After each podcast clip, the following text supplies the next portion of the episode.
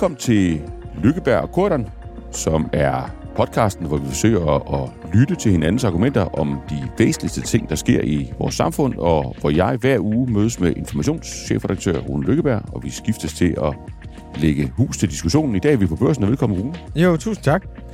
Det er dejligt at have dig her.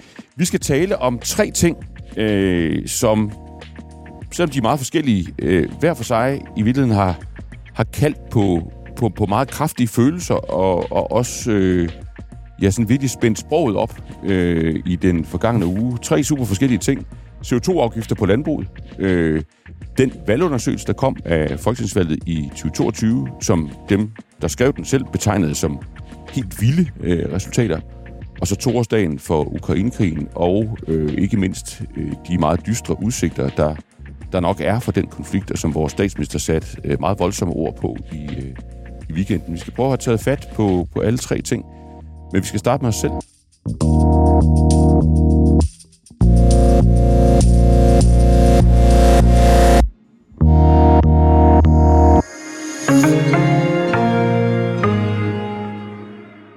Fordi vi starter med landbruget, øh, og når det gælder landbruget, så er det jo sådan, at i, i hvert fald op til sådan mennesker i, i vores høje alder, øh, så er det jo bare demografisk sådan, at de aller, aller fleste mennesker har en eller anden historie på bagagen om det, om det danske landbrug. De har en eller anden, øh, de har rødder, øh, enten personlige rødder, øh, geografiske rødder, familiemæssige rødder, som på en eller anden måde farver, øh, hvad man tænker og føler omkring dansk landbrug. Er det også sådan for Rune Lykkeberg?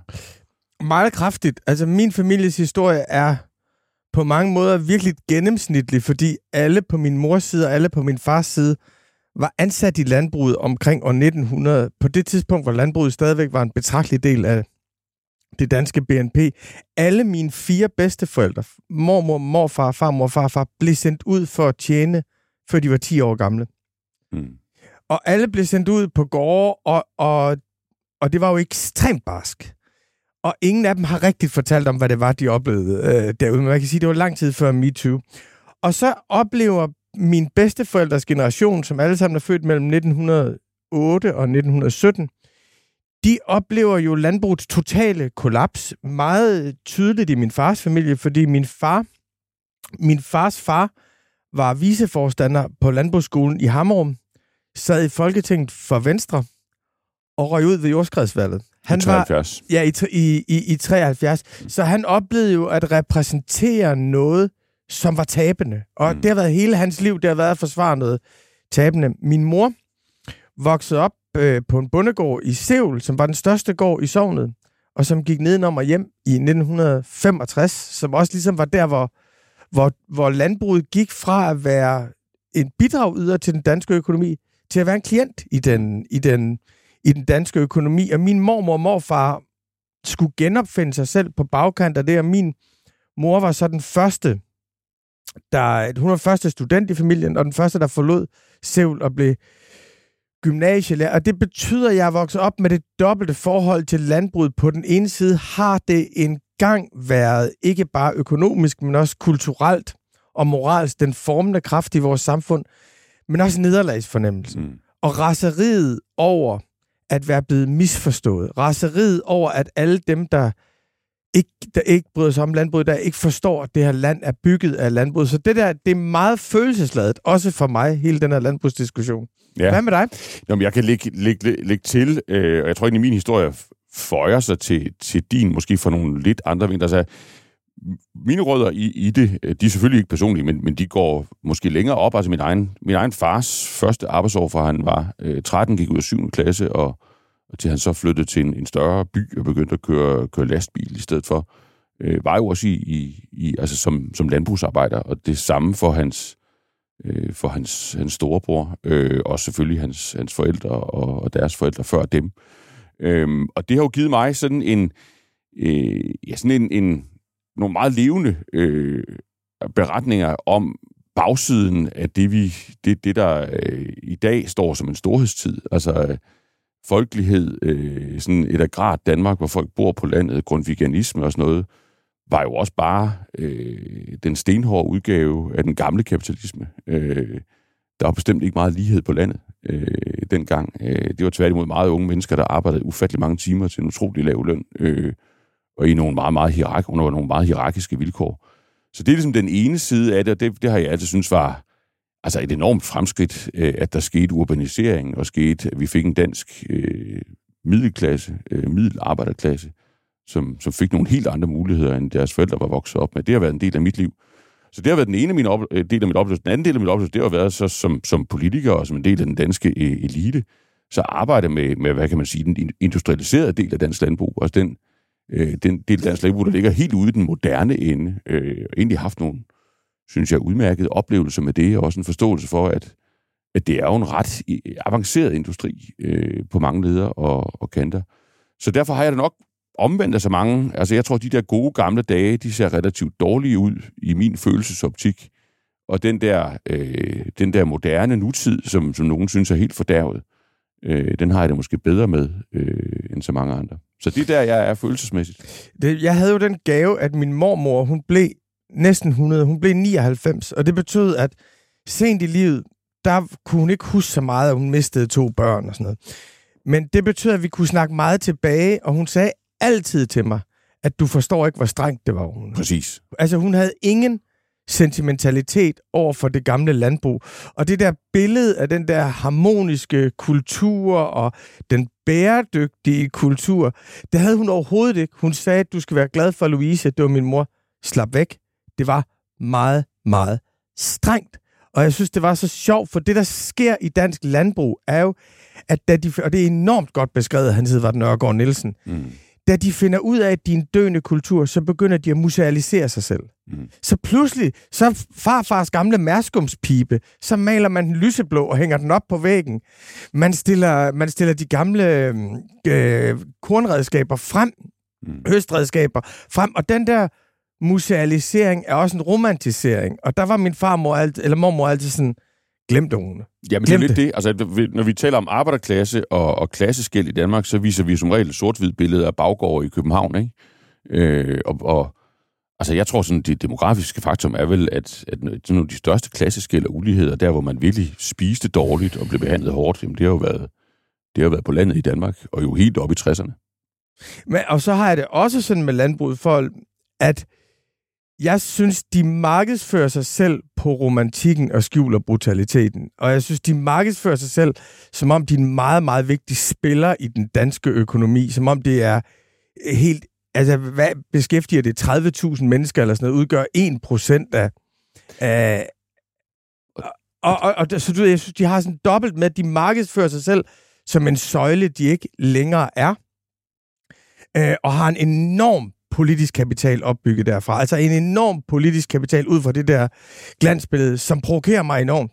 Ja, og det er jo bare et mega elegant øh, sådan indlæg eller overlæg fra, fra det, der er personligt og, og handler om følelser og rødder til det, vi skal diskutere. Øh, nemlig, at der er kommet, og det kan jeg hurtigt lægge op til, og så kan jeg spille bolden over til dig, der er jo kommet en, en rapport fra øh, økonomiprofessor, tidligere overvismand Michael Svare, som handler om, hvordan man kan lave en CO2-afgift øh, for landbruget, forskellige modeller til at gøre det, øh, og igen med henblik på, at vi faktisk når de klimamål, vi har sat os i, i klimaloven, altså de 70 procents reduktion i, i 2030. Og det lyder jo enormt teknisk, øh, og det er det også, øh, men, men det er jo samtidig en politisk bombe, øh, og selv de dårligste analytikere i dansk presse har dog alligevel kunne se, at det var en politisk bombe, og de har skrevet det alle sammen. Øh, du har selvfølgelig også øh, fulgt det tæt. Jeg synes, jeg synes, det er værd at diskutere, fordi jeg har sådan en, en oplevelse af, at... Øh, altså, kender du den der følelse, når man har cyklet øh, i frostvejr uden handsker, og ens fingre er sådan helt, helt stivnet, og man næsten ikke kan mærke dem længere, øh, og så kommer man ind i varmen, og de bliver varmet op, og man ja. tænker, nu kan jeg, nu kan jeg mærke mine, mine hænder igen. Jeg synes, altså, jeg synes Michael Svare har ligesom lavet samme effekt øh, for mig på dansk klimapolitik. altså, nu, hænderne er varmet op igen, man kan bevæge dem, man kan mærke dem, og man kan få, sådan, få begreb om, jamen, hvad er det her for noget? Øh, og de ting, der er blevet diskuteret jo meget postulerende og meget ophidset, jo nu faktisk i overvis. Nu kan vi faktisk alle sammen tage og føle på dem og diskutere helt faktuelt, øh, jamen, hvad koster tingene, og hvordan virker de, øh, og hvad er det for nogle konsekvenser, vi skal leve med. Og det synes jeg jo, at man, at man virkelig har brug for, så nu at se en acceleration øh, af, hvad, hvad, hvad Christiansborg kan, og af, hvad offentligheden kan. Fordi nu har, nu har Michael Svare faktisk gjort øh, arbejdet. Tror du så, vi får det? Nej, for jeg, jeg vil lige sige en ting til det med Michael Svare, noget som jeg synes er enormt interessant ved det her. Jeg deler din entusiasme for at følge ekspertgruppen. Jeg tænker det mere som sådan, at det er en erkendelsesproces, det her samfund er i, end jeg tænker, det er den enkelte økonom storartede værk. Altså, jeg tror, det havde været det samme, hvis det var Peter Birk Olesen, som jo også er en del af det. Altså, men, men han, jeg synes... Han hedder du ikke Olsen, men, men skidt nej, med det. Ja, Peter Birk så. ja, ja. Øh, men, men, øh, men det, som jeg synes er interessant, det er, at vi ser økonomer arbejde, hvor de, hvor de ligesom erkender, at naturen er en begrænset ressource inde i økonomien. Og det er jo ikke noget nyt, det har man gjort med olie og sådan noget mm. tidligere med, og med arbejdskraften. Men det er faktisk at indlejre økonomien i nogle imperativer fra naturen, og du hører ham stå og tale om udledninger fra lavbundsjord, og mm. hvad det betyder, og hvordan man skal lave et kompromis mellem sociale hensyn, erhvervshensyn og vores klimamål, og så, og så, øh, og så naturens krav det, den, at vi er det sted som samfund nu, mm. at hvor man taler om en transformation af vores erhvervsstruktur, med naturens grænse som horisont, der kan jeg godt føle det der med at have cyklet lang tid med, i, i, i frost og komme, og komme ind i varmen. Og jeg synes også, det tager noget af fjendebilledet af økonomer, som de der kolde teknokrater, der sidder i deres egne autistiske systemer. Altså her er vi jo faktisk et sted, hvor, hvor, hvor, hvor det er interdisciplinært, altså hvor samfund, natur og økonomi er tænkt sammen. Ja, men, men har du ikke lyst til lige at tage den et, et skridt videre? Øh, fordi, altså, jeg synes jo, man, man må tage hatten af for økonomerne. Jeg er enig med dig i, nu, nu øh, æret være Michael Svare, det er ham, der har lavet arbejdet i øvrigt med jo et udvalg, ikke alene, og et, et sekretariat, øh, ikke alene. Det kunne også have været en anden dansk topøkonom. Øh, der, der er jo nogle stykker, der, der, der kan det der, øh, og Peter Birk har ganske rigtigt lavet nogle, nogle rigtig fi, fine ting øh, tidligere. Men hvis man lige tænker over det, altså er det så ikke, altså et er jo, at økonomerne har taget naturen øh, ind i, i modellerne og, øh, og taget den grønne øh, samfundsbevægelse øh, ind i, i deres sådan, faglige virke. Men det er vel også den anden vej rundt, at, at, at alle dem, der har råbt og skrejet og skilt ud på økonomer for at være neoliberale kynikere og vækstfanatikere og sådan helt fremmede og fjendske øh, over for alt, hvad der har med, med, med menneskeliv og, og holdninger at gøre. Skulle de ikke måske lige let på hatten og erkende, at dem, der sådan har den grønne føretrøje i det her land, dem, der faktisk bidrager til, at, at grøn omstilling ikke bare er værdikrig og konfrontation osv., men dem, der peger på, jamen sådan her kan vi gøre det, og, og det her, det er, det er de øh, konsekvenser, vi må leve med, det er de valgmuligheder, vi har, det er faktisk økonomer. Og bør man ikke måske erkende, øh, og det er måske lidt en provokation til dig, Rune, at i virkeligheden så er de jo ved, og, og altså, det, er jo ikke, det er jo ikke fordi, de gør noget vanvittigt nyt i forhold til, hvad de plejer at gøre. De tager vel bare den metode, vi har brugt til at løse samfundsproblemer i en 30-40 år, altså problemer med betalingsbalance, beskæftigelse, øh, øh, offentlige budgetter osv., og så, og så lægger de den over på det, der handler om, om grøn omstilling, og det ser faktisk ud til at kunne lade sig gøre.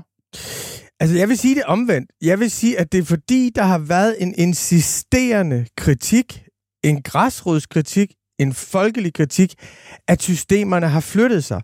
Fordi det her er en kritik, der går helt tilbage til 70'erne i virkeligheden at sige, der er grænser for vækst. Det er, ja, det er Romklubben. Og ja, præcis. Ja. Altså, og du kan se i dag selv Ursula von der Leyen, kristendemokrat i spidsen for EU-kommissionen, der er klar til endnu en, en omgang. Selv hun siger tak til de danske græsrødder i 1970'erne. Så jeg ser det jo sådan, at fordi der har været en insisterende kritik af, at vækstens grænser er naturens grænser, mm. at derfor er vi nu nået derhen.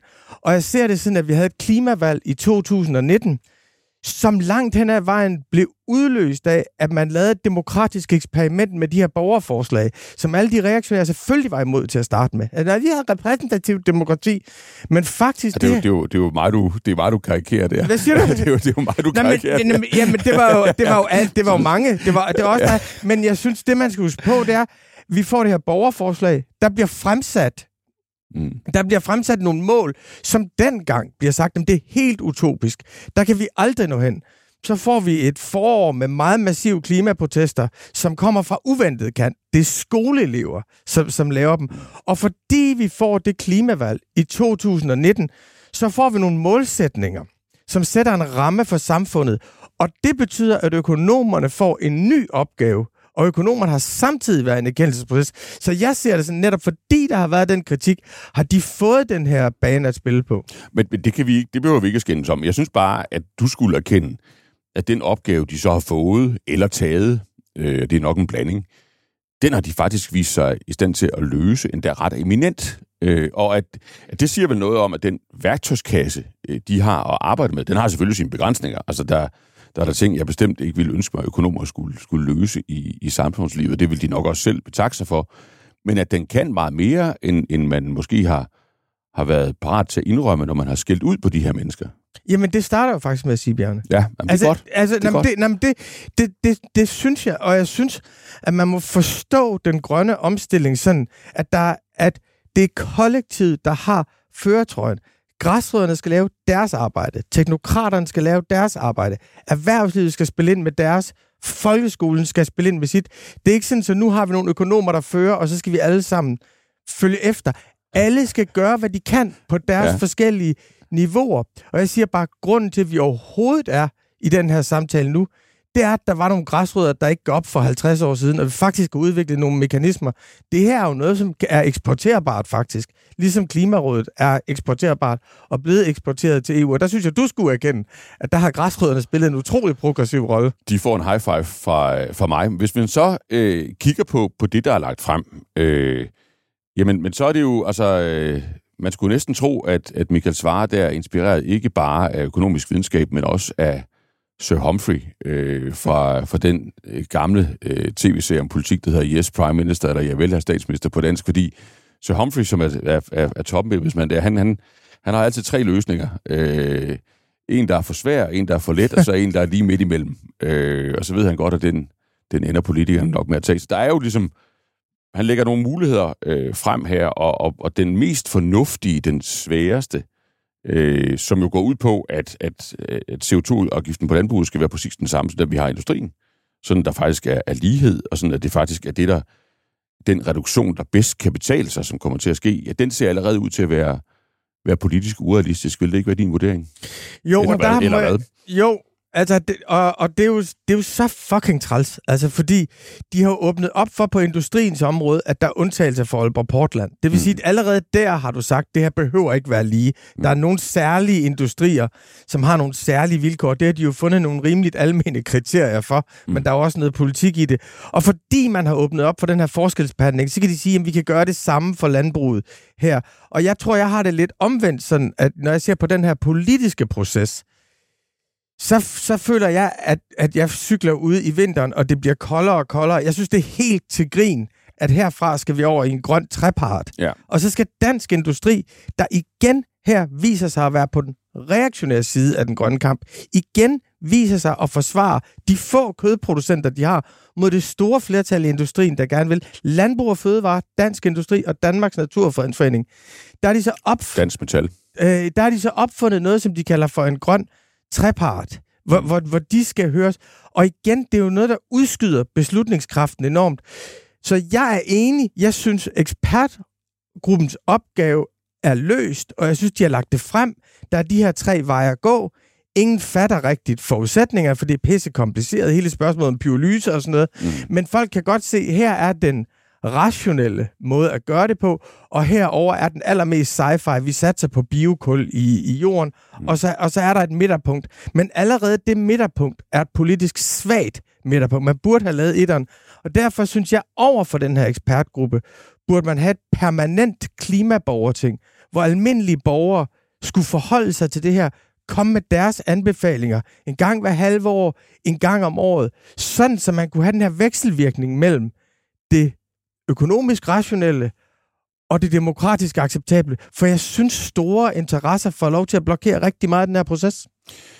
Ja, altså jeg, jeg må tilstå, at min, min, mine forhåbninger til et permanent eller ikke permanent øh, klimaborgerting er, er små der. Altså jeg, der, det er jo en debat, der kører, øh, har jeg også noteret mig, og det er jo helt ved siden af det, økonomer laver, og det er sådan nogen, som Michael Svare laver med, med, med afgiftssatser og systemer. Det er jo sådan en debat om, om hvordan, det, hvordan det grønne demokrati fungerer. Øh, og der er jo en, en, øh, en række, øh, både forskere og, og meningsdannere, der i øjeblikket taler for, at vi skal have sådan et, at demokratiet skal indrettes særligt, når det gælder den grønne omstilling. Altså, at det i højere grad skal være drevet af, af borgerting og af dialog og af inddragelse, øh, fordi det er sådan, vi kommer i, igennem. Og hvis jeg hører dig rigtigt, så, så ser du det som sådan en, en slags modvægt til særinteresserne på, på det her øh, punkt. Jeg har det nok mere sådan, at jeg synes, du synes, at eksperterne har gjort deres arbejde. Øh, det er jo sådan, vi har løst store samfundsproblemer tidligere i, i Danmark. Vi har haft eksperter, fortrinsvis økonomer, øh, som sådan virkelig har fået udredt, hvordan det faktisk kan lade sig gøre at løse et samfundsproblem. Også hvilke ulemper man i givet fald skal leve med. Og så er det jo, ja, vi, vi i hvert fald historisk, øh, i sådan nyere Danmarks historie, at så er det jo der, det repræsentative demokrati har skulle træde karakter. Så er det jo der, at dem, som har sagt, vi vil gerne lede landet, øh, vi vil gerne sidde i, i, i, i ministerkontorerne, det er, det er os, der har den.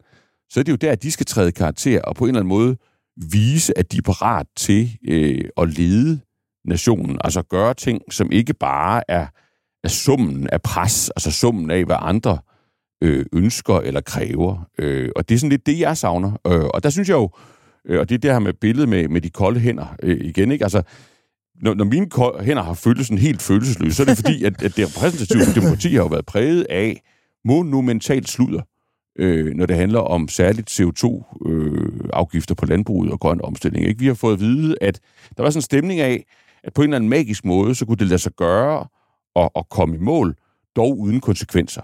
Altså uden at der blev mistet øh, arbejdspladser i det her erhverv, uden at erhvervsstrukturen i, i Danmark øh, blev, blev, blev ændret, uden at, at priserne på, på fødevarer skubbede sig overhovedet øh, på den ene side, og så på den anden side nogle helt vilde skræmmescenarier. Altså at vi ville tabe massivt mange arbejdspladser, at vi ville, ikke længere ville kunne bidrage øh, signifikant til den globale fødevareproduktion, at vi ville få massivt stigende ulighed, altså at Gini-koefficienten ville rykke sig øh, voldsomt. Og der synes jeg jo, svareudvalget altså, smadrer jo alt det her. Altså, der er konsekvenser. Det er en illusion, at man kan gennemføre den her øh, omstilling, uden at, at man taber jobs i, i landbruget, uden at dansk landbrug omstiller sig. Men nej, det er ikke vanvittigt voldsomt i, i, i forhold til, hvad vi normalt lever med af, af forandringer i, i vores økonomi. Øh, og nej, det vil ikke skabe massiv ulighed i, i, i Danmark. Og nej, Danmark vil stadigvæk godt kunne have et landbrug, der bidrager betydeligt til, at, at der kommer mad på, på tallerkenen øh, på den her klode. Så nu er det jo politikerne, der skal vise, hvad de kan, snarere end, end et permanent borgerting, hvis du spørger mig. Altså, det, jeg vil lige sige en ting til det med uledighed, som jeg synes er så sjovt. Det er, at det er jo ikke en dagsorden, der er fyldt specielt meget i sådan den dominerende politiske klasse i Danmark i de sidste 50 år, det med ulighed. Det der med stigende ulighed, det har været sådan en omkostning, man var klar til at tage. Altså, vi er alligevel ikke så ulige som USA, så det skal nok gå. Men det, der jeg morer mig utrolig meget, det er, at når det, lige præcis når det kommer til klima, så er det helt vildt, så socialistiske folk er. Så går, jeg anklager ikke dig her.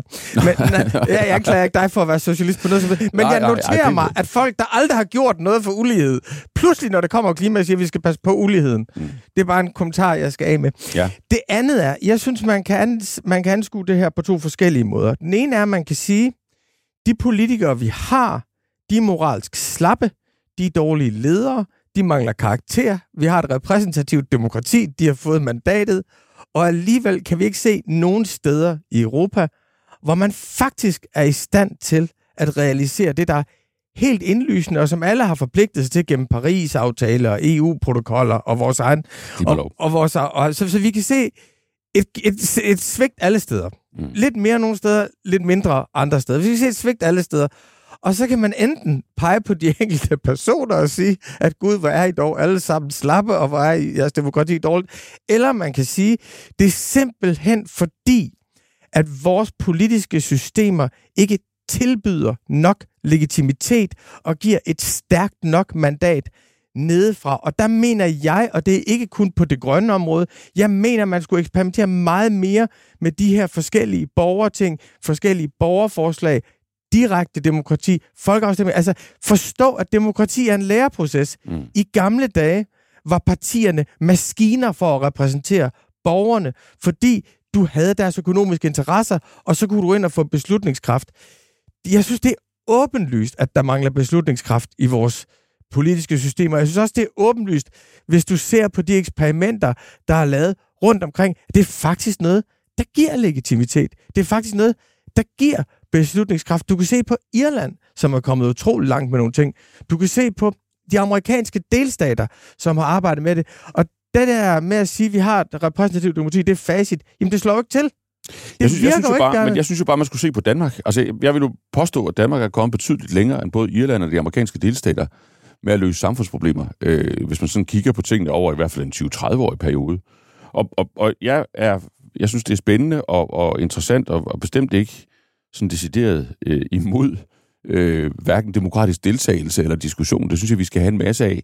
Hvis bare det, vi har lært af historien, det er, at når vi for alvor har rykket ud af, af, af sådan et dødvande, altså løst problemer med, med høj arbejdsløshed, løst problemer med, at vi jo reelt, altså at vores samfundsmodel ikke var økonomisk bæredygtig, at vi ikke havde råd til at leve, ligesom vi, vi, vi gerne vil, øh, jamen så har det jo været i samspillet imellem, at du faktisk har fået udredt, hvad det kræver at gøre øh, det, der virker, og så at nogen er gået foran og har taget en, en, en samfundsmæssig ledelse. Ikke? Og jeg, jeg kan ikke lade være med at tænke øh, to ting her. Altså, at det, der slår mig, og der, hvor, jeg, hvor mine fingre stadigvæk fryser, øh, det er jo, at, at hvorfor er det egentlig, at, at, at ekspertudvalget, altså den, den skrappeste model, altså det her, hvor man lægger øh, en, en CO2-afgift på landbruget, som svarer til den, man har i industrien, hvorfor er det egentlig, den er bedst? Og det er jo ikke fordi, jo ikke noget at gøre med, om man kan lide landbruget eller ej, eller om man gerne vil have, øh, grøn omstilling eller ej.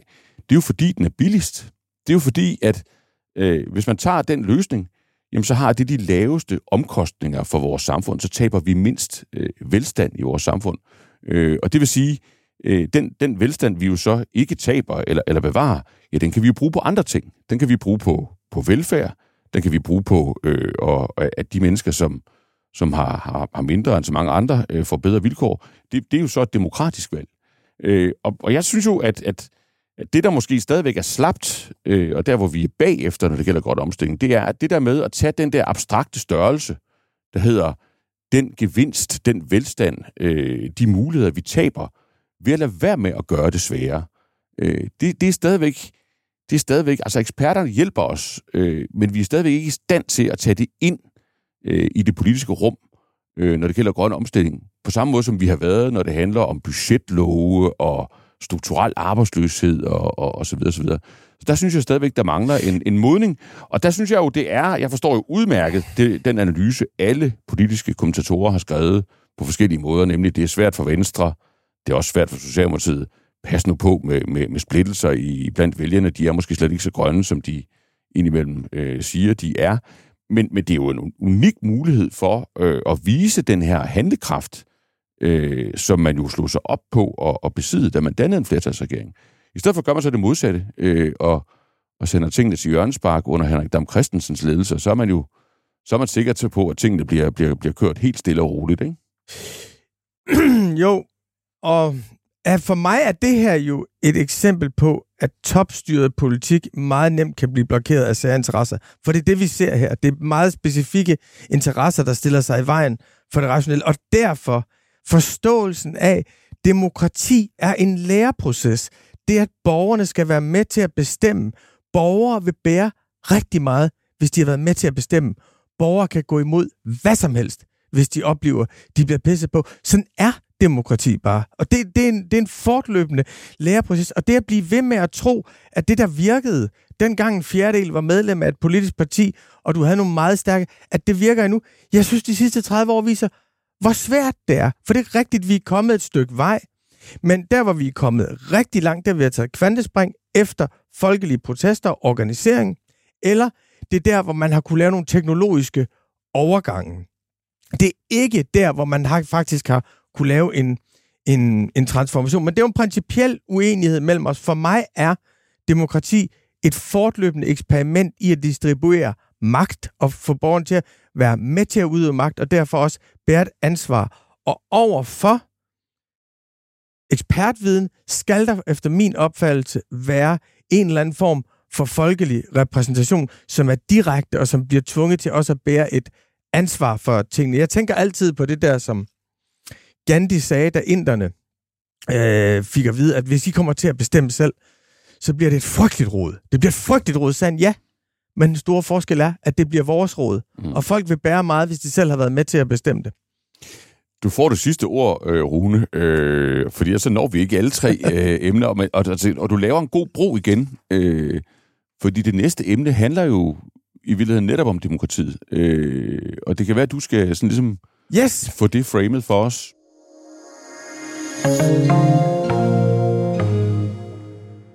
Ja, øh, hvert, efter hvert folketingsvalg, der går vel et par år, så kommer den her store vælgerundersøgelse. Det er faktisk den her vælgerundersøgelse, som Kasper Møller Hansen og Rune Stubager har været redaktør på i år. Det er den ældste spørgeskemaundersøgelse i Danmarks historie, som stadigvæk er fortløbende. Den blev lavet for første gang i 1900, efter valget 1971, og det er den 19. gang. Og det var ret heldigt, de nåede det i 71, at de fik jordskredsvalget i 73 med, ikke? lige lige, lige, præcis, lige ja. præcis. Og man kan godt sige, at selvom man kan godt diskutere metoden, man kan også godt udfordre forskellige antagelser i den, det kommer vi ikke til i den her omgang, så har det fået karakter af den definitive udlægning af, af valgets tale. Det er mm. blevet det, som valget sagde, og derfor er vi jo altid den der forsinkelsesproces, når vi diskuterer, hvad er valgets tale, og så kommer den. Og den er kommet nu, omkring halvandet, 15 måneder efter valget i, i, øh, i 2022, og jeg har taget nogle konklusioner med fra den, og så mm. kan jeg spille dem over til dig, mm. og så kan du se, hvad, hvad, der, hvad, hvad, hvad, hvad der er interessant nu. Den første konklusion er ligesom den, der har været overalt, og det er, at der var ikke bred opbakning hos vælgerne til en regering hen over midten. Det var i høj grad noget, som Mette Frederiksen og Lars Løkke Rasmussen gik op i. Hvis man spørger vælgerne, øh, de har spurgt dem på tre forskellige tidspunkter, så er der, så er der noget opbakning til en, til en regering hen over midten hos de socialdemokratiske vælgere, men det er, hvis SF er med. Øh, den her model er der meget lidt opbakning til. Så grund, og, og hos venstrevælgerne meget, meget lidt opbakning til en regering hen over midten. Så grundlæggende ikke folkelig opbakning til den regering, som de fik.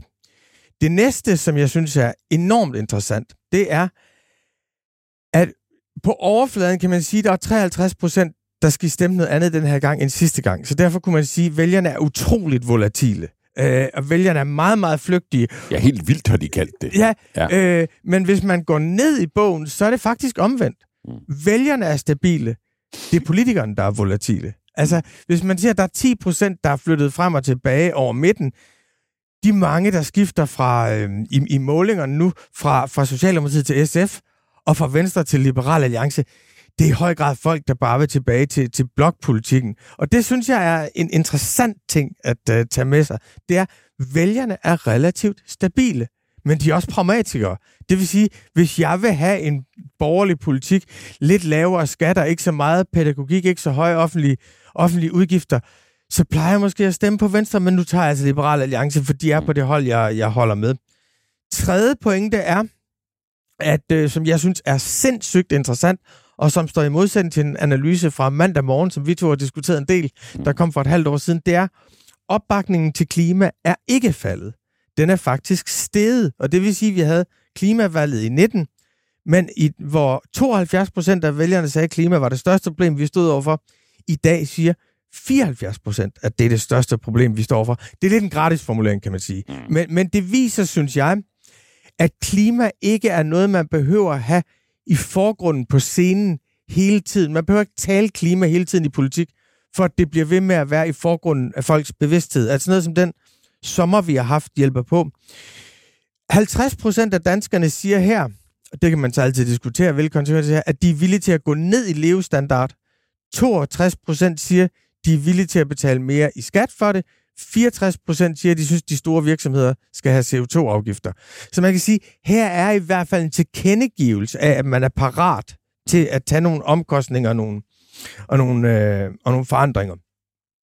Fjerde ting, som er, som er interessant, det er, at det, som bredt betegnet kaldes for identitetspolitik, og som ikke handler om land og by her, men som handler om, hvad må du kalde en is? Må du kalde en is for en, for en, for en kæmpe eskimo? Må du kalde en flødebold for en nærebold? Og sådan noget. At i det her, øh, der kan man sige, der er en modsætning mellem yngre vælgere og ældre vælgere. Der er en modsætning mellem land og by. Og man kan sige, på næsten alle de her områder, der er vælgerne mere til, altså der har højrefløjen opbakning til deres synspunkt. Vælgerne er relativt langt til højre på identitetspolitik, bredt forstået. Mm. Øh, der er sådan en ting nedenunder det, som er, at de fleste vælgere er faktisk ligeglade med det. Så du kan ikke slutte derfra, at hvis du går meget voldsomt imod identitetspolitik, at så er du, så er du en vinder. De fleste vælgere går hverken op i det ene eller det andet. De er ligeglade med, hvad deres avis hedder, og gider faktisk ikke høre på det. Men i det øjeblik, man taler om det, er det en vindersag for, for højrefløjen. Femte ting er ligestilling, øh, hvor vi har det her billede af, at de ældre mænd er mere feminister end de yngre mænd, hvorimod de yngre kvinder er mere feminister end de ældre kvinder. Og det vil sige, hvis man i den generation, der er født mellem 45 og 55, er nået en eller anden form for konsensus omkring ligestilling, kønnene er ret tæt på hinanden, så er det splittet meget, meget op hos, hos de unge, hvor vi har en mindre feministisk generation af mænd, end vi har haft i 50 år, og en mere feministisk generation af kvinder, end vi har haft i 50 år. Og her har lige MeToo spillet en meget, meget stor rolle i deres øh, meningsdannelse. Så det er fem ting, som jeg har, jeg, jeg har taget ud, som lægge frem til, hvad du synes, vi skal dykke ned i. Jamen, det er fem, fem fede ting, synes jeg, og også bag om, bag om nogle af tallene. Altså, den har jo været kendetegnet ved, det er jo den store undersøgelse, det her, ikke? Og, og den er jo, den bliver altid fejret som sandheden om, øh, om det valg, der har været afholdt, og titlen på bogen ender jo også tit med at, at, at sådan hænge fast som sådan, øh, den, den vedtagende analyse. Altså, når vi kaldte 2019-valget for et klimavalg, jamen, så var det jo fordi, de her forskere øh, besluttede, at det skulle være titlen på deres... Øh, deres Information bog. kalder alle valg for klimavalg. Ja, med på, det med på. Men for alle vi andre, Rune, ikke? For alle vi andre. øhm, så, så det er en stor øh, ting, og man må også hæfte sig ved, at, at de her forskere, det er jo altid besindige mennesker, samfunds, eller de fleste samfundsforskere, de bruger faktisk en ret, ret, øh, ret skrab retorik. Altså, de har sådan brugt udtryk som helt vildt øh, i flere sammenhænge. Både om, om det her, der handler om identitetspolitik, men også om, om, om volatiliteten øh, blandt øh, vælgerne, som du så øh, i virkeligheden øh, udfordrer deres, deres konklusion omkring. Så det er en stor, det er en stor ting, og jeg er jo selv øh, politolog, og jeg synes jo, det er lidt juleaften, og det her det kommer sådan en, altså en, en tidsserie tilbage til 71. det er altså en, en rigtig, rigtig, det er et fedt datasæt, ikke? Jeg kender de der mennesker, jeg har troet eller være, så har jeg undervist Rune Stubager i, i fremmede landes politiske systemer hjemme på, hjemme på Institut for Statskundskab. Så jeg synes også, det, det, det er stort. Øhm, til, til dine pointer og til bogen som sådan, øh, jamen jeg, jeg tror, jeg har en, øh, en, en, i virkeligheden tre kommentarer til det, du siger, også til de resultater, der er lagt frem. Jeg synes, og det, det, er, mig, det er mig egentlig, det, det byder mig egentlig imod at psykologisere øh, ind mod samfundsforskning. Men, men når jeg alligevel våger at gøre det her, så synes jeg, at den måde, man har i talesat de her resultater på, er i, det er min fornemmelse, at de i et eller andet omfang er præget af, at de her forskere ikke havde set det, der kom.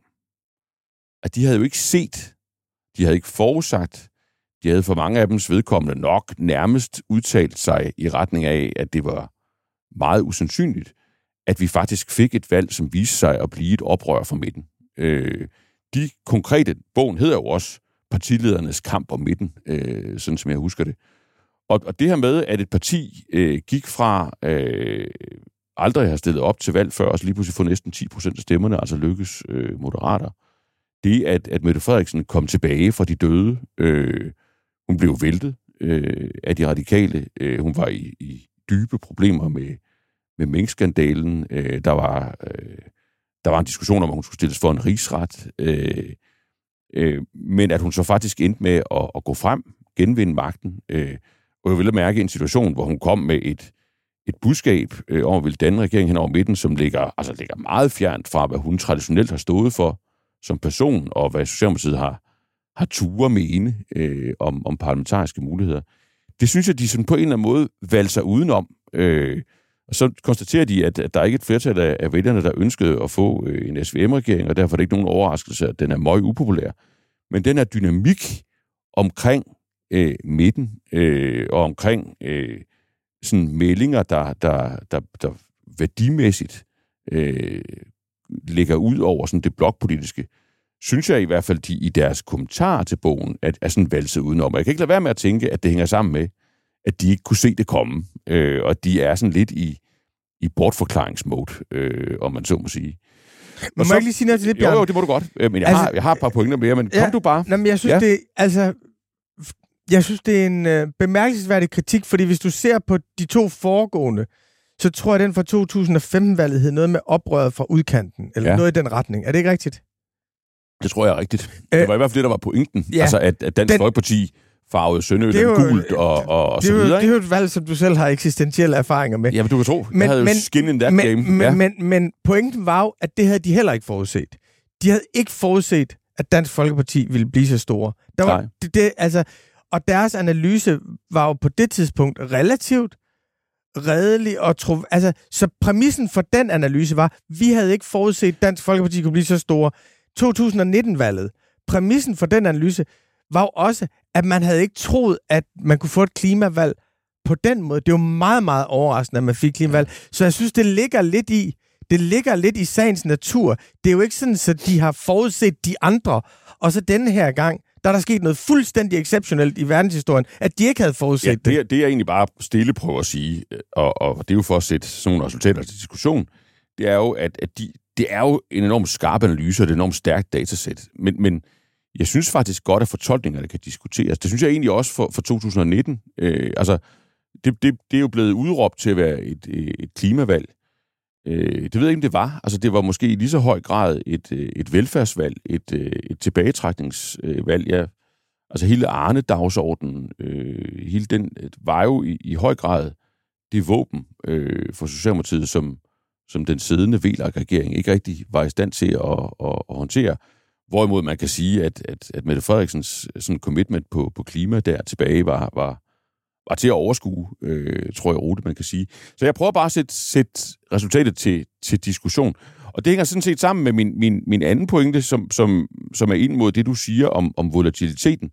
Altså sådan som valgforskerne har, i, har omtalt det her, så har de sagt, jamen, vi har fået et meget, meget volatilt politisk system. Folk, folk skifter parti, øh, ligesom, de, ligesom, de, øh, ligesom de skifter tøj, øh, og det er i høj grad personbåret, øh, snarere det sådan er borget af, af partitilhørsforhold. Øh, og, og hvad sker der så med vores demokrati? Og så har de sagt, øh, men øh, det, er måske til gengæld, det er måske ikke lige så vildt, som det ser ud, fordi folk bliver i høj grad inden for blokkene. Og det er jo også det, der er, er din pointe, øh, som jeg forstår dig. Der, hvor jeg godt kunne tænke mig at, at komme med en udfordring tilbage til dig, det er at sige, jamen, kan det ikke, kunne det ikke være sådan, at, at det, der i virkeligheden lyder som noget beroligende, eller lyder som noget, sådan en pointe om, at, at, at tingene slet ikke er så meget i skred, som, som, som vi tror, fordi folk bliver inden for blokkene, at det i virkeligheden er det, der er problemet. Fordi hvis, hvis den volatilitet, vi, vi, vi har fået, eller er ved at få, det er en volatilitet, hvor, hvor man, man, man skifter parti meget hurtigt. Øh, der skal ikke så meget til. Der skal ikke så meget modvind til for et, et, et parti eller en partileder, før de er helt nede at ligge. Men man bliver inden for, for, for, for blokken. Jamen, har det så ikke den virkning, at, at de partier i blokkene, som påtager sig regeringsansvar, som påtager sig at træffe langsigtede beslutninger, som jo ofte vil være kendetegnet ved, at, at dem træffer man altså i, i modvind. Øh, det, det er først over tid, det viser sig, at, at man gjorde noget, der virkede. Øh, altså at prisen for at tage den position i en blok, øh, at, den, øh, at den, er, den bliver højere. Øh, måske højere hen til et punkt, hvor det decideret er svært at regere landet. Og kunne det være, og nu bliver det vildt, Rune, Og her, Bjørn, det er, jo, det, er, det er jo fuldstændig nye data for dig, fordi det her betyder jo, Det bare- at du det er bare- forkaster alle teser, du nogensinde har Det haft det jo før, at det er synd for dem, der tager ansvaret. Det er Demokratiet straffer dem, der gør det svære, og jeg, hylder jeg, dem, der gør det dig, jeg udfordrer dig jo bare. Og, fordi nu Men- sætter jeg lige kronen på Ja. værket, ikke? Ja. Kunne det, kunne det være, at det var den dynamik, der gjorde, at, at, at den der midte øh, for i hvert fald nogle dele af vælgerkorpset lige pludselig er blevet mere attraktiv, end den egentlig traditionelt har været. Altså at, at der er ikke hele vælgerkorpset, men betydelige dele af vælgerkorpset, som har fanget den her øh, mekanisme, og som kigger efter et eller andet, øh, som er villig til at, at rive sig løs af øh, en, en mekanik, hvor der er sådan en vælgerflugt øh, ud mod fløjene, ud mod en eller anden polarisering, som man ser på med, øh, med nogen bekymring, øh, ikke mindst når man kigger på, hvad der sker i andre lande. Hvad, kan Men Bjørn, du kan, kan da føle ikke i ramme alvor vende den her analyse til, at den bekræfter alt, hvad du selv har ment. Kan jeg ikke det? Nej. Hvad- kan du ikke lige argumentere imod det, i stedet for at bare grine af det? Jo, jo, jo, jo. Men du må gerne grine færdig først. Jo, Ja, det, synes jeg, det, jo, det skal jo. der være plads til. Jo, jo, ja. ja. jo det, det kan jeg godt. Altså, punkt et. Jeg synes jo, at hvis man ser på... Jeg deler ikke... Jeg, jeg siger nogle ting om det generelt, og så vender jeg tilbage til din pointe bagefter. Men det er det for lige at lægge nogle præmisser fast. Ja, ja. Punkt et. Jeg brækker mig over det der med, at man hver gang skal se det som temperaturmåling på demokratiet, når der kommer en vælgerundersøgelse. Mm. Altså, går det godt? Går det godt? Hvordan har demokratiet det? Demokrati er en læreproces, og intet vil være værre, end hvis systemet ikke bevægede sig. Den absolute stillstand, at det stod... Det vil, altså et demokrati, der ikke demokratiserer sig selv fortløbende, forstener og går nedenom og hjem. Så enkelt er det faktisk, fordi det er et fortløbende eksperiment at deltage i folk, at engagere folk, skal være med til at bestemme, og du skal træffe beslutninger, hvor du flytter enormt meget magt. Det er et fortløbende eksperiment, og det der med, at uh, der er noget, der forandrer sig, der er 53 procent, der har skiftet det er helt Er vildt. det, er det mig og igen, lige du kan? Nej, nej. okay. Nå, Og men lige, nej, men der synes jeg bare, der har været meget sådan noget med, at forandring er slemt. Altså Ja. ja. 53 procent skifter, og det er helt vildt, og lige om lidt flynger de hængebrænden ud i bryggerset. Så mit, mit udgangspunkt er ikke, at enhver forandring er til det værre i det her. Mm. Min, ud, min, mit udgangspunkt er heller ikke, at større volatilitet, at det er noget flygtigt, der kommer ind i et stabilt, velfungerende system.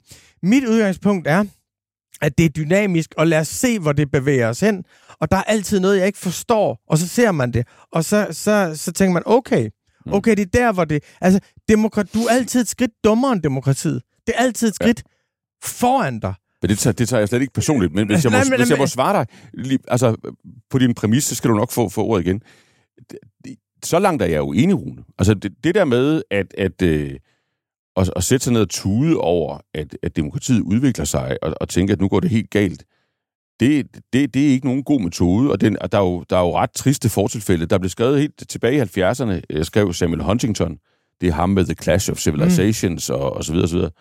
Øh, skrev jo sådan sammen med et, et par andre forskere sådan en kæmpe stor rapport om, øh, hvor, hvor hovedtesen var øh, ungovernability, altså at, Ja. at nu var de vestlige demokratier på vej i en situation, hvor de ikke længere kunne regeres. Øh, og det var en reaktion på 68-oprøret, det var øh, en, en reaktion på kvindefrigørelse, alle de der er jo også Alt det, der har bragt vores samfund øh, fremad. er også en, en, en, en, en stærk venstrefløj, altså meget, meget af det, du har i, i informationsbagage. Og der sad de, sad de her kloge politologer sat sig ned og sagde, at det, nu går det helt galt, nu kan samfundet overhovedet ikke regeres længere. Det kunne samfundet jo så godt. Faktisk fik vi jo øh, både nogle stærkere demokratier og nogle rigere samfund øh, der siden 70'erne, øh, og også meget, meget bedre end, end, end bagud. Så jeg er slet ikke på sådan en forfaldstese. Jeg prøver bare at spekulere i retning af, hvad det så er, der skal til. Hvad er det for en fornyelse, der i, i min optik skal til, og, og for at, at du så får en, øh, en, en udvikling, hvor, hvor den forandring, som man kan se i de her tal, lander et sted, øh, hvor, hvor vi faktisk får et, et demokrati, der i, i, i mine øjne er kompetent, altså i stand til at træffe langsigtede beslutninger. Og det er jo både, når det gælder grøn omstilling og alle mulige andre samfundsproblemer. Og Ja. der synes jeg bare, man bliver nødt til at, at, at prøve at fortolke, øh, hvad er det for en dynamik, der er i, i, i de her tal. Ikke? Og der, der synes jeg, de har forkert fat i den, fordi det der med, at man skifter inden for blokkene, men til gengæld skifter helt vildt hurtigt øh, og helt vildt, der ikke skal så meget til, før man bliver øh, ked af det og, og rykker sig. Men det tror jeg måske øh, snarere er, det tror jeg, der er mere destabilisering i, end de her forskere måske lige ser i øjnene. Til gengæld tror jeg også, der er en modreaktion på det. Og den tror jeg, man vil se igen ved de kommende valg. Øh, altså en dynamik omkring midten i, i dansk politik. Både fra nye partier, men måske også fra flere af de gamle. Men må jeg ikke svare på, hvorfor jeg mener, at din tese bliver modbevist i den Jo, her? endelig. Det er, at Mette Frederiksen går jo sejrende ud af det her valg. Ja. Hun er jo den, der om noget har taget, på godt og ondt, har taget ansvar i den her periode. Og den vurdering, der er af Mink-sagen, som har haft det, de kalder for en ikke ubetydelig indflydelse på folks valg, viser faktisk en ret stor tolerance overfor, at den, der tager et stort ansvar, begår også fejl. Så der er ikke noget med, at den, der... Der er ikke en straf af magten i det her. Det er slet ikke. Det næste, som jeg synes er sjovt, er jo, at Lars Lykke er jo indbegrebet af magt i Danmark. Han kommer med et parti, som jo ingen af os rigtig ved, hvad står for, udover det Lars Lykke, og som er sådan et mødested, og sådan, han prøver sådan at efterligne sådan nogle sociale bevægelser, samtidig med, at det indbegrebet er det modsatte af ham, der står, der, står, der, der står i spidsen for det. Tredje ting er, jeg synes egentlig, at mange af de ting, man sidder og diskuterer, bliver forklaret på en sådan relativt banal måde. De fleste vælgere vil gerne have, at partierne arbejder sammen. De sætter pris på bredt samarbejde. Mm. Det er ikke det samme som bred regering. De sætter pris på, at man er forankret i nogle holdninger, og derfra arbejder sammen. Og jeg mener, mange af dem, der troede, at der var ligesom et dybt, dybt hemmeligt begær i befolkningen efter en midterregering, de forvekslede et bredt samarbejde med en bred regering. Folk vil være forankret i deres holdninger, og derfra vil de gerne have, at de når frem. Tredje ting, det er, hvis du ser på klima i forhold til det her, så kan du se, hvorfor vi har en regering, der lige nu ikke har forholdt sig til kvælstof. Fordi kvælstof er jo ikke en del af den grønne trepart. Og det kommer til at gå sådan med kvælstof, at det bliver EU, der pisker os til det. Her, for der her, her er vi jo EU-forpligtet, ikke? Mm. som har sat CO2-afgift på landbruget. Med mindre EU rykker sig, ikke? Ja, som har sat CO2. Men vi er enige om, at her halter vi efter EU i forhold til kvælstof. Efter en sommer med katastrofalt ildsvind i de danske, i de danske søer. En regering, der bagefter i forhold til CO2-afgift på landbruget, som opfinder kommissioner og grønne treparter for at undgå at gøre noget. Det er fordi, de tre partiers vælgere går ikke særlig meget op i klima. Mm. Der, er ikke, der er ikke noget parti blandt de tre, der faktisk driver det du ser, at det, at det store klimaengagement ligger til venstre for dem, og så hos de radikale, øh, hos, hos det radikale venstre. Så derfor, den her regering mangler det parti, der står og siger, vi bliver straffet, hvis ikke det har været for nemt for den her regering at udfase klimaambitionerne, fordi der ikke er nogen af dem selv, der bliver straffet for det. Så her har du faktisk et eksempel på, at handlekraften ikke ligger på midten. Inden på midten ligger faktisk en dæmper på handlekraften. Og det mener jeg, at du burde tage alvorligt som kritik af din position. Men det skal jeg nok, Rune. Men, men øh, vi skal nå at, og, og lukke med et emne, som ingen af os kommer til at grine af med, med garanti. Og det, det indleder du.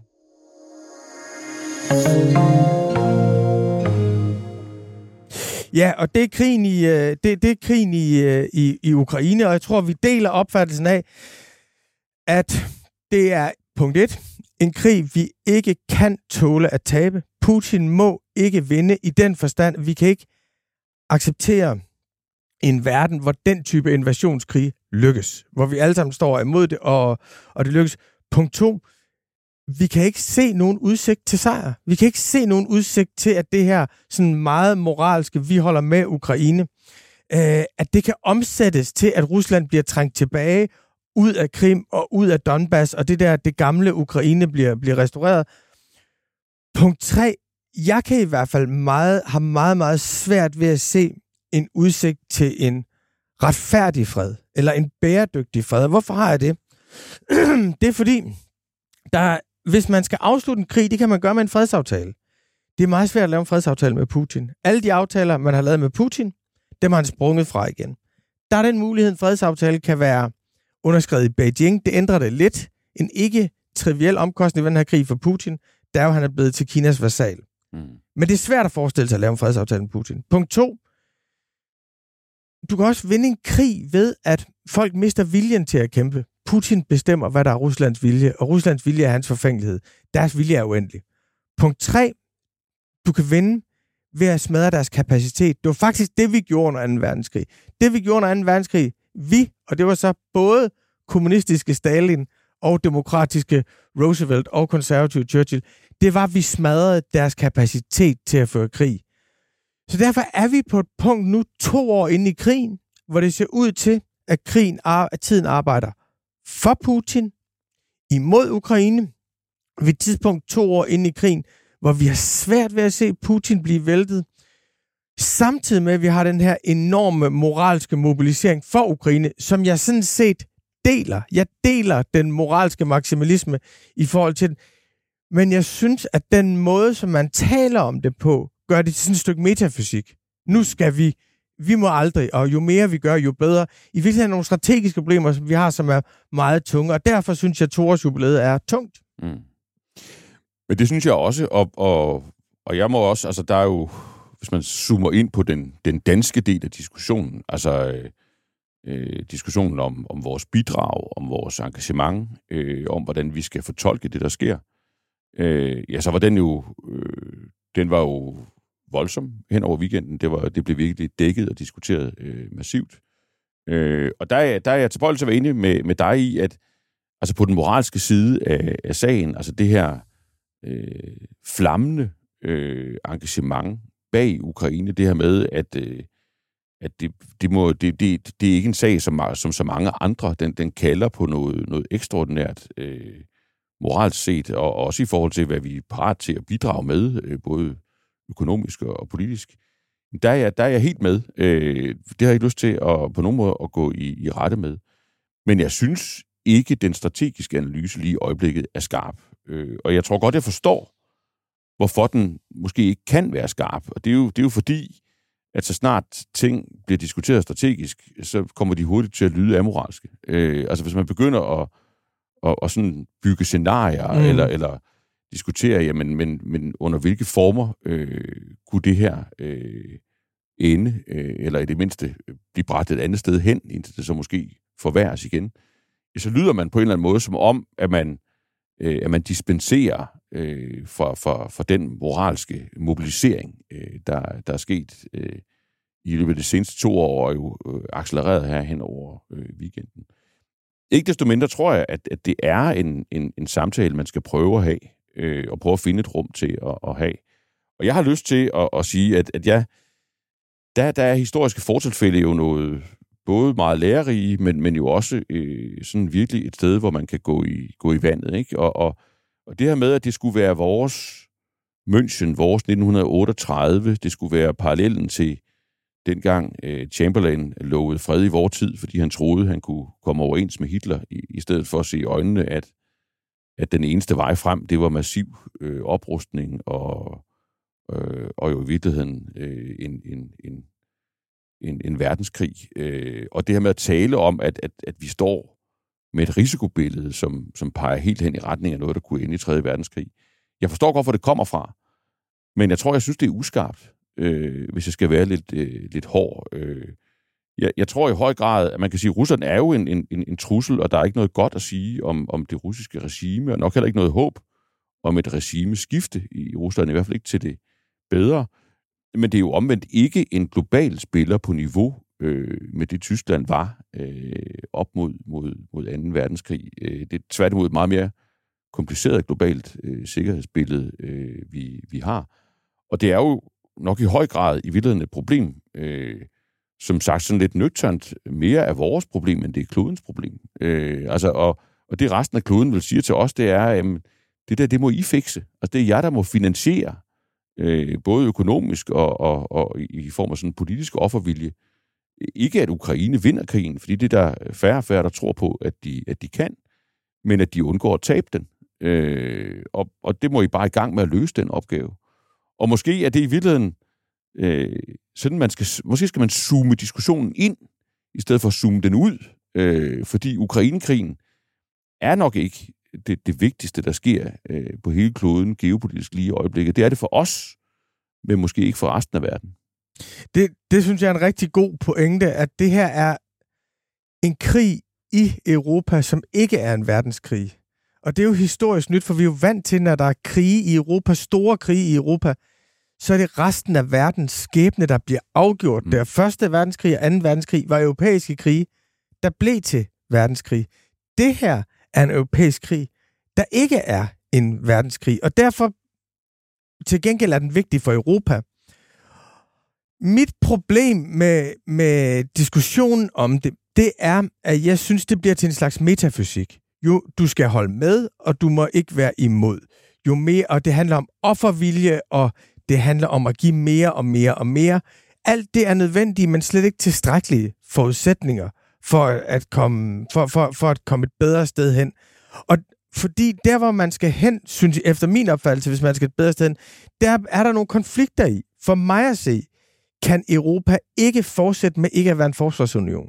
Mm. Vi kan ikke bilde os ind, og vi er konfronteret med den her krig, som handler om vores sikkerheds hele vores sikkerhedsstruktur. Hvis vi i den her situation insisterer på, at hvert land skal have sit eget forsvar, og vi ikke har et fælles forsvar, at vi ikke har en fælles våbenproduktion, vi ikke er villige til at opgive den form for suverænitet, jamen så kommer vi aldrig nogensinde til at kunne forsvare os selv. Og det er jo der, hvor Mette Frederiksen ikke går hen. Det er der, hvor Troels Lund Poulsen ikke går hen. Det er, det her bør være overgang til en forsvarsunion. Det bør, og en af forhindringerne for det er jo, at de europæiske våbenproducenter insisterer på suverænitet. Folk skal ikke vide, hvad tyskerne producerer. Folk skal ikke vide, hvad de franske virksomheder producerer. Og det er jo helt håbløst, for det er jo det, der betyder, at der ikke er nogen, der producerer artillerigranater. Fordi de har ikke nogen langsigtet investeringshorisont. I forlængelse af en forsvarsunion skal man også have en genopbygningsindsats, så man har en langsigtet finansieringsmodel for, for det er faktisk EU's måde at slås på. Mm. EU er gode til store genopretningsprojekter, og igen handler det om at afgive suverænitet for nationalstaten. Det handler om at være villig til at tage nogle kollektive lån, som også kommer med nogle omkostninger og med nogle risici, fordi Europa er Danmarks knytnæve i verden. Uden det har vi ikke nogen knytnæve. Så for mig, hvis ikke det her transformerer Europa, så fortrænger vi den verden, vi står i. Men, men det, det tror jeg ikke, du og jeg er uenige om. Jeg, jeg tror, jeg har et mere optimistisk syn der, og også et mere anerkendende syn på, på vores øh, regering og vores politiske ledere. Det kan godt være, at de ikke har... Øh, at de ikke sådan har råbt og skrevet på en forsvarsunion hen over weekenden, men jeg oplever dem altså klart i bevægelse, i retning af, altså, det er jo ikke mange år, øh, og jo ikke mere end et årti siden, at hvis, hvis man sagde, at det, det kan da egentlig godt være, at vi skal ende med at have en EU her på et eller andet tidspunkt, øh, så var man i hvert fald sten sikker på øh, at være øh, altså fuldstændig færdig i dansk politik, øh, i hvert fald sådan i, hvis man gerne vil have magt og indflydelse. Ikke? Og, og der er vi vel på vej hen et sted, hvor, øh, hvor der er sådan en begyndende erkendelse af, at Europa må opruste og opruste i fællesskab. Og ikke alene for at håndtere Ukraine, også for at håndtere hele relationen til USA, øh, som, vi, som vi tidligere har, har diskuteret. Så der ser jeg dem faktisk være i, øh, jeg ser dem faktisk være i, i bevægelse. Men, men, men der, hvor jeg måske er, til gengæld synes, øh, at de har et problem, det er jo, at, at de føler, at diplomatiske årsager og moralske årsager, som jeg sagtens skal forstå, at man skal holde fuldstændig utvetydigt fast i, at, at det, der sådan er det øh, realistiske scenarie her, det er, at ukrainerne fuldt og helt vinder alt Ukrains territorie tilbage hver en kvadrat centimeter at det, der engang har været ukrainsk, øh, bliver det igen, inklusiv Krim. Øh, og det er jo så det samme som at sige, at man tror på, at, at, at der findes en fremtid, hvor, hvor Rusland taber den her krig, og taber den med et brag, øh, et, et fuldstændig ydmygende brag, der formentlig også vil føre til øh, at en, en destabilisering af, af hele Putin-regimet. Øh, og det, det vil jeg virkelig også håbe. Øh, det, det, det, må, det, må, det, er jo det, der, det er jo det, man slås for at, at bidrage til, også som, som dansk skatteyder. Jeg tror bare, det er meget, meget lidt realistisk. Øh, og det tror jeg, rigtig mange beslutningstagere i, i rigtig mange vestlige regeringer bag lukkede døre øh, har erkendt øh, og også taler med hinanden om. Og på en eller anden måde skal vi jo finde en måde også at have det i vores offentlighed på. Øh, uden at det lyder som Chamberlain i 1938, appeasement, fejhed, øh, moralsk svaghed og, og, og så videre, så videre. Det, der synes jeg, vi har en, en, en, en vanskelighed med vores altså strategiske debat øh, om, om Ukraine. Altså, min sidste pointe i dag vil være, at vi er udfordret i forhold til Ukraine, fordi vi tidligt har vedtaget, at det er dem, der bestemmer, hvor længe kampen gælder. Og når de bestemmer det, der er det jo en, deres regeringsleder er jo general. Han er en herfører. Det vil sige, hans mobiliserende opråb til sin egen befolkning er blevet vores imperativ i vores diskussioner om det. Og vi kan jo se, at han har lige udskiftet den forsvarschef, som også var en politisk rival, som rent faktisk undsager ham. Så vi kan se, at diskussionen er internt i Ukraine også. Og vi kan ikke gøre deres imperativ til horisonten for vores diskussion. Det kan vi simpelthen ikke. Vi må sige, vi har faktisk friheden til at diskutere forskellige scenarier. Og for mig er den store udfordring i de her år, mentalt og moralsk, det er, at man ikke går fra absolut idealisme til total kynisme. At man ikke går fra at sige, nu skal vi have pigeskoler i Afghanistan, vi indfører demokrati, og når man finder ud af, at man ikke kan det, så giver man hele lortet til Taliban. Det er netop at tage vores... Du vil simpelthen ind på midten, Rune. Nej, ja, det er at sige, at hvis vi ikke kan tage vores principper ind dagen, hvor man laver kompromis, så taber vi både principperne og bliver kynikere. Det er faktisk en, en meget fin udgangsreplik, øh, som siger det bedre, end jeg selv kunne. Så, så der blev vi ikke uenige, og vi, øh, vi havde desværre heller ikke noget at grine af. Øh, og det var vi grundlæggende, hvad vi havde nået at tage med i, i dag. Vi ses næste uge, og det gør vi på Information. Det gør vi. Jeg glæder mig til at se dig, Bjarne. Tak.